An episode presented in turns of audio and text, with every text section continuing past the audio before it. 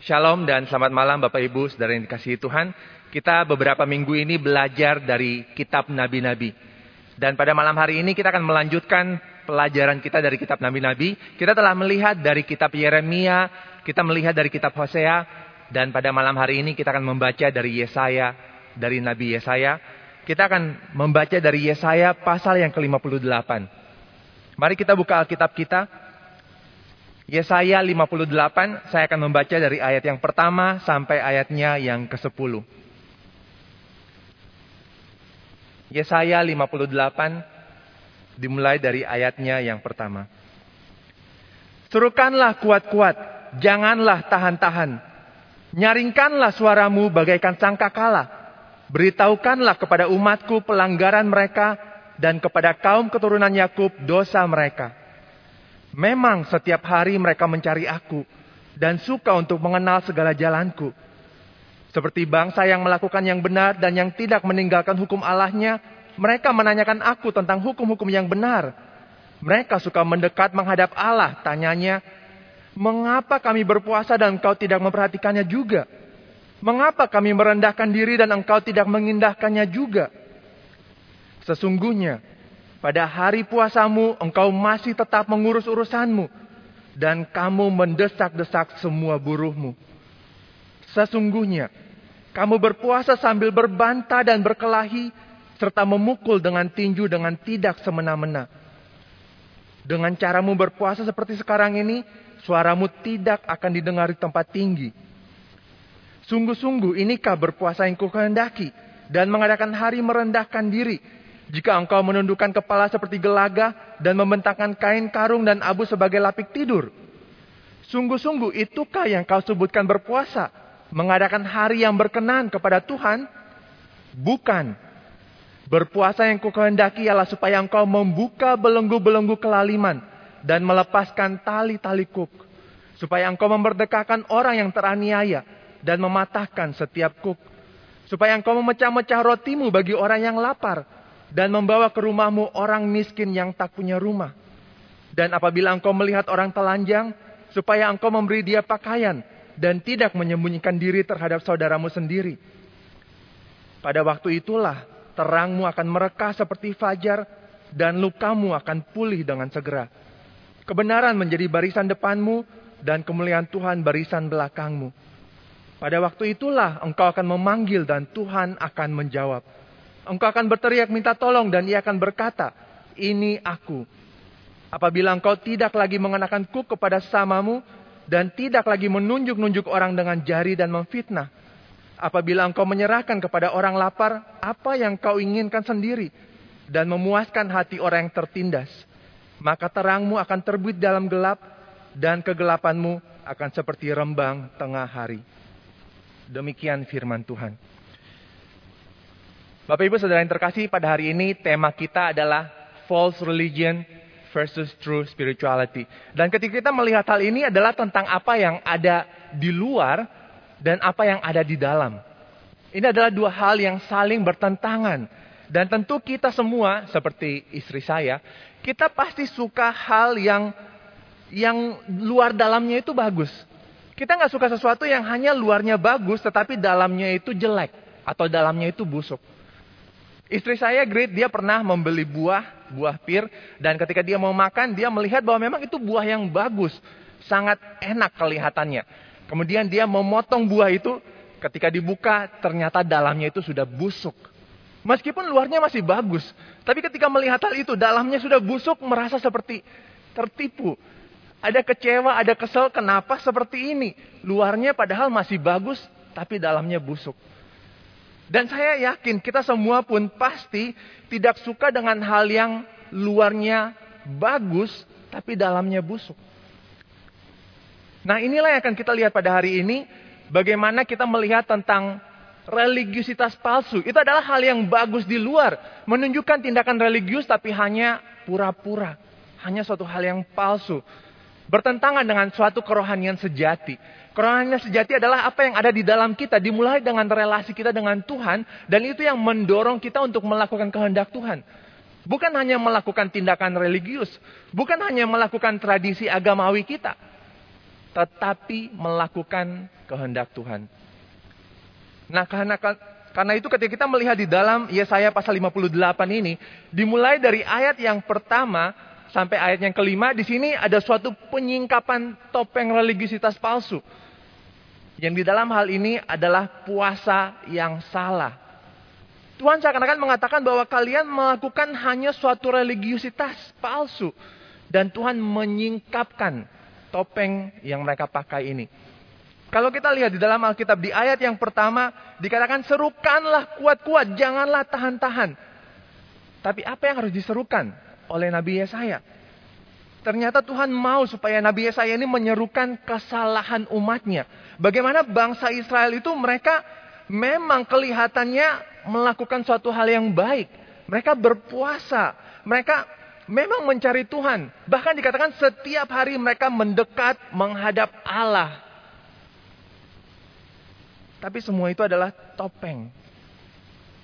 Dan di balik religiusitas palsu ini ternyata banyak kesalahan mereka, ternyata ada dosa-dosa mereka sebagai umat Allah sendiri. Dan di sini Tuhan membuka semuanya. Dikatakan memang mereka menunjukkan tindakan religius. Sekali lagi dalam hal ini adalah suatu puasa. Mereka melakukan puasa tetapi kerohanian mereka itu kosong. Sehingga kita melihat di dalam ayat yang keempat dan kelima. Dikatakan bahwa memang mereka berpuasa tetapi mereka berpuasa sambil berbantah dan berkelahi. Mereka berpuasa sambil memukul dengan tinju dengan tidak semena-mena. Sehingga Tuhan menanyakan, apakah ini puasamu? Inikah yang engkau lakukan dan inikah yang kau sebut sebagai puasa? Mereka berpuasa menundukkan kepala, mereka bahkan dikatakan tidur membentangkan kain karung dan abu sebagai alas tidur mereka. Mereka seakan-akan sangat merendahkan diri dan itulah yang dilihat oleh orang lain. Mereka begitu rendah. Tapi mereka tidak merendahkan diri di hadapan Tuhan. Dan sekali lagi bukan itu yang Tuhan inginkan. Tuhan tidak ingin religiusitas palsu. Bapak ibu saudara ini sebenarnya sama dengan apa yang Tuhan Yesus pernah katakan. Ketika dia mengecam orang-orang Farisi dan ahli Taurat. Kalau kita membaca di kitab Injil, suatu kali Tuhan Yesus pernah berkata kepada orang-orang Farisi, mengecam mereka yang pada saat itu memang terlihat sangat religius. Tapi Tuhan Yesus mengatakan bahwa kalian ini adalah orang-orang yang munafik. Karena memang mereka hanya mengajarkan apa yang benar, tapi mereka sendiri tidak melakukannya. Sehingga Tuhan Yesus berkata kepada murid-muridnya, hati-hatilah kepada orang-orang ini, kepada ahli-ahli Taurat dan orang-orang Farisi. Bahkan dia mengecam mereka mengatakan, kalian adalah orang-orang yang munafik. Mereka kelihatannya benar di hadapan orang lain. Mereka melakukan berbagai hal yang memang di, dituntut oleh hukum agama mereka. Memberikan berbagai persepuluhan. Tapi Bukan itu yang Tuhan inginkan. Dan kalau kita melihat di dalam Matius 23 ini ber, berulang-ulang kali Tuhan Yesus mengatakan bahwa kalian adalah orang-orang yang munafik. Kalian hanya menunjukkan religiusitas palsu. Tapi kerohanian kalian di dalam itu busuk. Dia melanjutkan di ayat yang berikutnya. Bagaimana mereka itu hanya seperti kuburan yang dilabur putih. Dari luar kelihatannya bagus. Putih bersih. Tetapi di dalamnya itu penuh dengan tulang-tulang yang keropos dan busuk. Itulah gambaran religiusitas palsu mereka.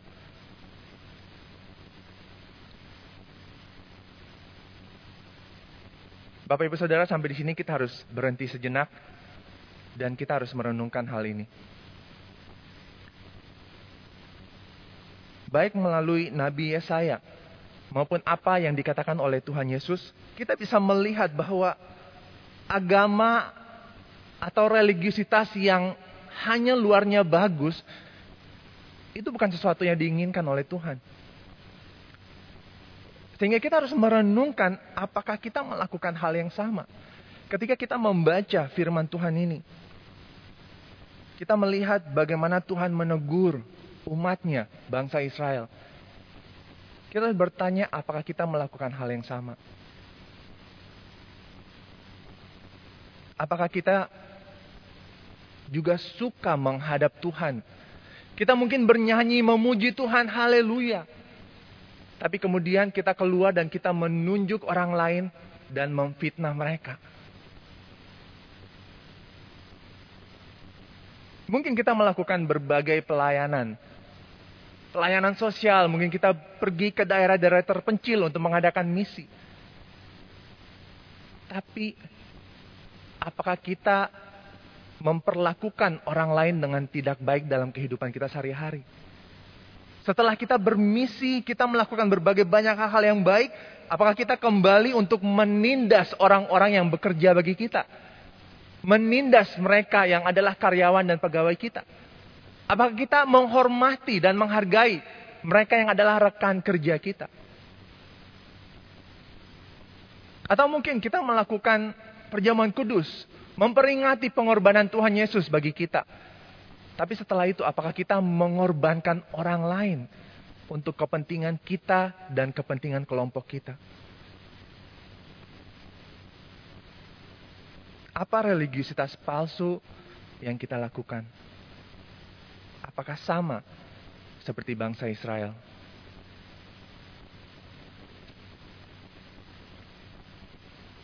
Ketika kita melihat di dalam Yesaya pasal 58 ini, kita melihat setelah orang Israel mereka berpuasa, ternyata hal itu memimpin kepada suatu sense of entitlement. Mereka merasa berhak untuk menerima hal-hal dari Tuhan, merasa berhak untuk menerima sesuatu dari Tuhan. Sehingga mereka bertanya di ayat yang ketiga, "Mengapa kami berpuasa dan engkau tidak memperhatikannya juga?"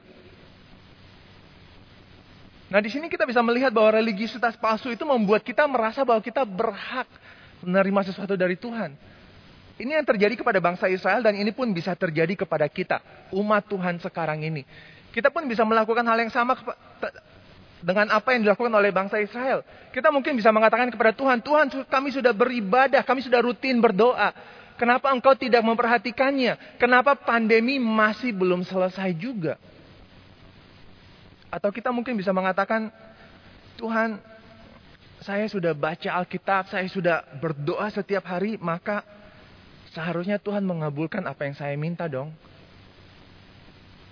Saya mungkin sudah memberikan persembahan, saya mungkin sudah melayani, maka Tuhan harusnya ikut apa yang saya mau dong. Bagi saya sebagai hamba Tuhan. Bagi rekan-rekan hamba Tuhan lain, hal ini pun bisa terjadi kepada kami. Bisa saja saya berpikir saya sudah menyerahkan diri bagi Tuhan. Saya menyerahkan hidup saya bagi Tuhan. Maka pelayanan harus sesuai dengan apa yang saya inginkan. Bapak Ibu Saudara di sini kita bisa melihat sekali lagi bahwa religiusitas palsu ini bukan hanya membuat kita nggak kenal Tuhan, tapi membuat kita nggak tahu diri kita jadi merasa berhak atas hal-hal yang sebenarnya adalah anugerah Tuhan. Kita merasa berhak atas hal-hal yang adalah hak Tuhan. Dan kita menuntut apa yang menjadi milik Tuhan sendiri. Sehingga sama seperti bangsa Israel yang pada saat itu harus bertobat. Kalau kita melakukan hal ini, kalau kita mempunyai religiusitas palsu, maka kita pun harus bertobat. Kita pun harus kembali kepada Tuhan dan bertobat dari religiusitas palsu ini. Karena bukan ini yang Tuhan inginkan dari umatnya. Apa yang Tuhan inginkan adalah suatu kerohanian yang sejati. Sehingga kalau kita kembali membaca dari Yesaya pasal 58 ini, di ayat yang ke-6 sampai yang ke-14 itu kita bisa melihat bahwa ada suatu gambaran kerohanian yang sejati. Dan bahkan bukan hanya gambaran, ada suatu ajakan untuk mewujudkan kerohanian yang sejati ini. Yang sekali lagi digambarkan di dalam puasa. Dan di sini bisa kita lihat bahwa menggambarkan kerohanian sejati itu bukan hanya melakukan suatu ritual seperti puasa, bukan hanya melakukan suatu tradisi, tapi melakukan kehendak Tuhan sendiri, yaitu berbuat adil dan benar, berlaku setia, menunjukkan kasih kepada orang lain, menunjukkan kemurahan hati kepada orang lain. Ayat yang ke-10 dikatakan menyerahkan kepada orang lapar apa yang kau inginkan sendiri dan memuaskan hati orang yang tertindas. Sehingga kita melihat di sini bahwa puasa itu bukan hanya menahan diri dari godaan, tapi puasa yang sejati, yang diinginkan oleh Tuhan adalah mengadopsi suatu gaya hidup yang berbeda. Gaya hidup yang menolak keserakahan. Yang menolak memanjakan diri sendiri. Dan menggantikannya dengan kemurahan hati kepada orang lain. Itulah puasa yang diinginkan oleh Tuhan. Tuhan menginginkan bukan hanya suatu ritual agama, tapi supaya kita mengasihi orang lain dan melayani orang lain. Karena itulah yang telah Tuhan tunjukkan kepada kita. Dia mengasihi kita dan dia melayani kita. Kalau kita membaca sekali lagi di dalam perjanjian baru, ada suatu cerita tentang Tuhan Yesus dan murid-muridnya. Bagaimana mereka dianggap melanggar hari Sabat. Pada waktu itu memang hari Sabat. Dan Yesus dan murid-muridnya mereka berjalan di ladang gandum pada saat itu.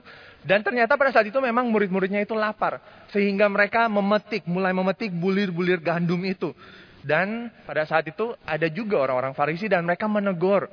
Mereka mengatakan kepada Yesus, mengapa engkau tidak melarang murid-muridmu yang mengambil gandum itu pada hari sabat pula?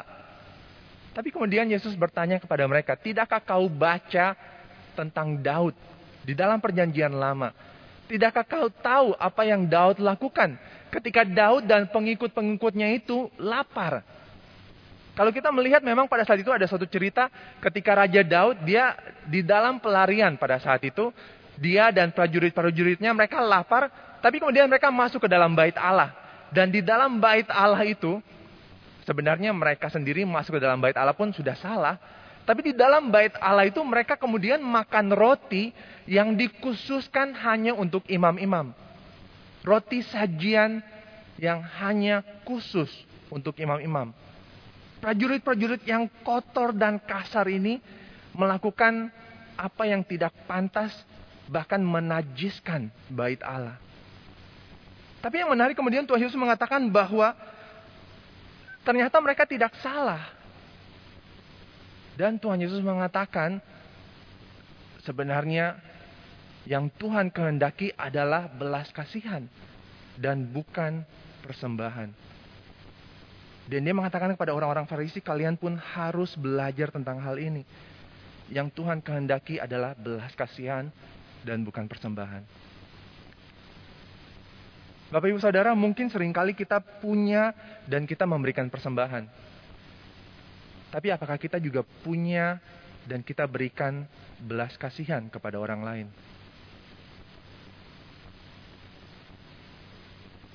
Sehingga panggilan untuk berpuasa di dalam Yesaya pasal 58 ini, bahkan kalau kita membaca sampai akhir, ada juga panggilan untuk merayakan hari sabat. Nah, panggilan berpuasa, panggilan hari Sabat ini, ini bukan panggilan hanya untuk menjalankan ritual dengan lebih teliti. Bukan. Tapi adalah suatu panggilan untuk hati dan hidup yang berubah. Sekali lagi, panggilan bukan hanya untuk menjalankan ritual dengan lebih teliti. Tapi panggilan untuk hati dan hidup kita yang berubah. Berulang-ulang kali kalau kita membaca kitab nabi-nabi, Tuhan menegur umatnya dan Tuhan mengingatkan mereka bahwa suatu kerohanian yang sejati itu bukan hanya suatu ritual. Mereka tidak bisa hanya menjalankan ritual dan kemudian berbuat salah dan tetap menganggap bahwa mereka adalah umat Tuhan. Tidak bisa. Dan Tuhan mengajak mereka berulang-ulang kali bertobatlah, kembali, kembali kepada Tuhan. Sehingga contohnya di dalam Yoel pasal yang kedua ayat 13, Tuhan mengatakan, koyakanlah hatimu dan jangan pakaianmu. Berbaliklah kepada Tuhan. Panggilan untuk kembali bertobat ini, sekali lagi bukan panggilan untuk hanya sekedar menjalankan agama kita. Tapi panggilan untuk membawa perubahan hidup. Perubahan hidup bukan hanya satu hari dalam seminggu, tetapi setiap hari kita berusaha melakukan apa yang Tuhan inginkan. Panggilan ini adalah panggilan untuk berbuat benar, berbuat adil, bukan hanya berbuat apa yang kelihatan bagus bagi orang lain. Bapak Ibu Saudara, kita mungkin pernah menyanyikan lagu ini. Kita mungkin pernah mengatakan, Tuhan selidiki aku, lihat hatiku, apakah ku sungguh mengasihimu. Kita tahu, kita yakin, kita percaya bahwa dia adalah yang maha tahu. Dia yang menilai hidup kita, dia tahu segala sesuatu tentang diri kita, karena tidak ada yang tersembunyi baginya. Tapi itu berarti bahwa dia juga melihat ke dalam hati kita. Dia melihat di balik topeng yang kita pakai. Sehingga kalau memang hati kita ini busuk, maka kembali kita harus bertobat. Kita harus sadar dan kita harus kembali kepada Tuhan. Minta Tuhan supaya ubah hati kita ini. Jangan sampai hanya yang di luar yang bagus, tapi hati kita busuk. Karena kalau hati kita busuk, maka akan dimuntahkan keluar dari mulutnya.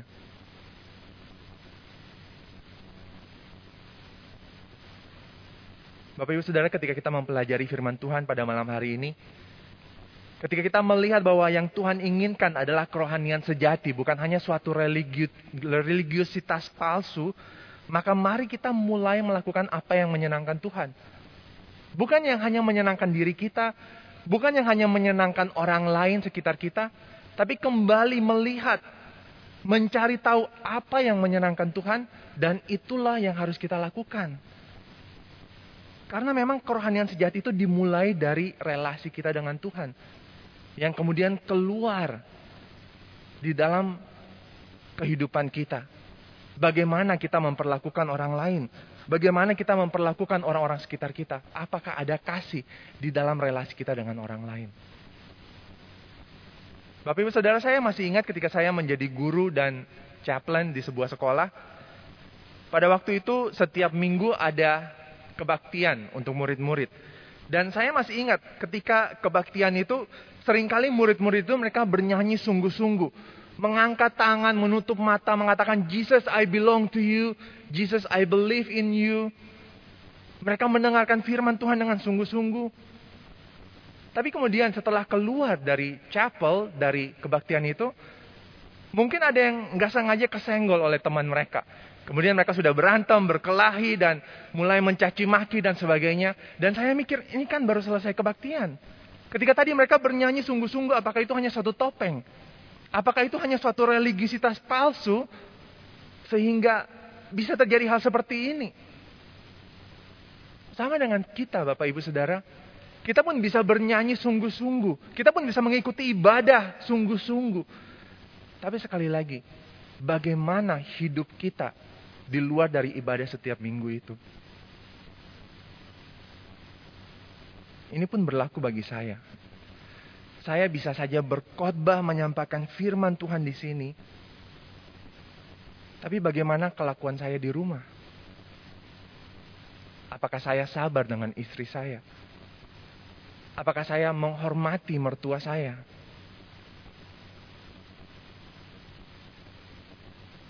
Kita bisa saja membaca Alkitab setiap hari, berdoa setiap hari. Bagi hamba-hamba Tuhan pun sama kita melakukan hal itu. Tapi kembali yang menjadi pertanyaan, apakah saya melakukan hal itu karena itu adalah suatu tuntutan?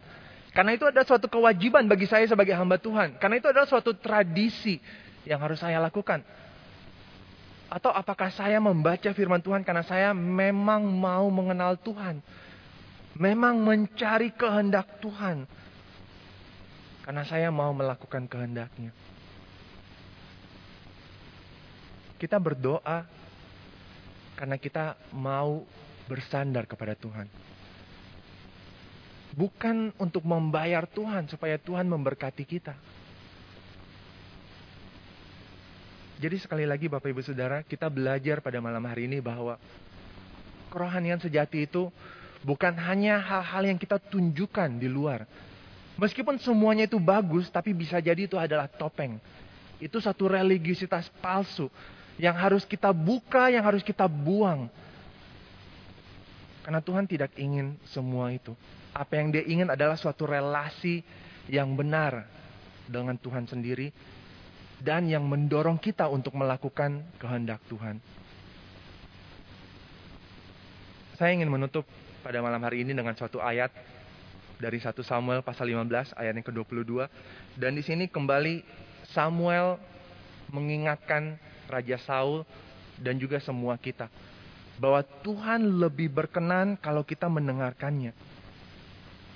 Tuhan lebih berkenan kalau kita mendengarkannya daripada hanya memberikan persembahan, daripada hanya menjalankan ritual-ritual yang kita lakukan setiap hari, setiap minggu. Apakah kita melakukan kehendak Tuhan? Kita bisa saja memberikan banyak persembahan. Kita bisa saja membangun ratusan bahkan ribuan gereja. Tapi kalau kita nggak setia kepada Tuhan, kalau kita tidak taat kepada Tuhan, maka semuanya itu percuma. Bukan itu yang Tuhan inginkan. Sekali lagi kerohanian sejati dimulai dari relasi kita dengan Tuhan. Dan itulah yang akan keluar. Karena kita mendengarkan suara Tuhan dan kita akan melakukan kehendaknya. Pada malam hari ini Bapak Ibu Saudara kita telah mendengarkan firman Tuhan. Pertanyaannya bagi kita apakah kita mau melakukannya? Mari kita berdoa. Bapak kami yang di surga, kami kembali bersyukur untuk firman-Mu yang kembali mengingatkan kami apa yang Tuhan inginkan dari umat-Mu. Tuhan kami sadar bahwa sering kali kami mungkin hanya melakukan apa yang kelihatannya bagus. Tapi sebenarnya kami jauh dari Tuhan. Mungkin kerohanian kami kosong atau busuk. Dan karena itu Tuhan pada malam hari ini kami ingin kembali datang kepadamu dan kami kembali minta ampun. Ampuni kami Tuhan kalau selama ini kami hanya memakai topeng religiositas dan kami tidak sungguh-sungguh mengikut Tuhan. Ampuni kami. Kalau selama ini kami hanya menjalankan ritual-ritual agama kami dan kami tidak melakukan kehendak-Mu. Dan Tuhan tolong kami. Engkau yang tahu hati kami masing-masing karena itu kami mohon supaya Tuhan Engkau yang mengubah hati kami. Sucikan kami, bersihkan kami, dan tolong kami untuk bisa mempunyai suatu kerohanian yang sejati, mempunyai relasi yang benar dengan Tuhan. Dan kami boleh terus hidup setia, taat melakukan kehendak Tuhan. Mengasihi Tuhan, mengasihi sesama kami. Tolong kami Tuhan, karena tanpa pertolongan Tuhan kami tidak bisa melakukan hal ini. Biarlah dengan tuntunan pimpinan roh kudus, terus memimpin kami untuk melakukan kehendak-Mu. Supaya kami boleh hidup berkenan di hadapan Tuhan. Kami boleh terus hidup memuliakan namamu. Terima kasih Tuhan. Dalam nama Tuhan Yesus kami berdoa. Amin. Demikian kebaktian doa kita pada malam hari ini. Selamat malam, Tuhan Yesus memberkati.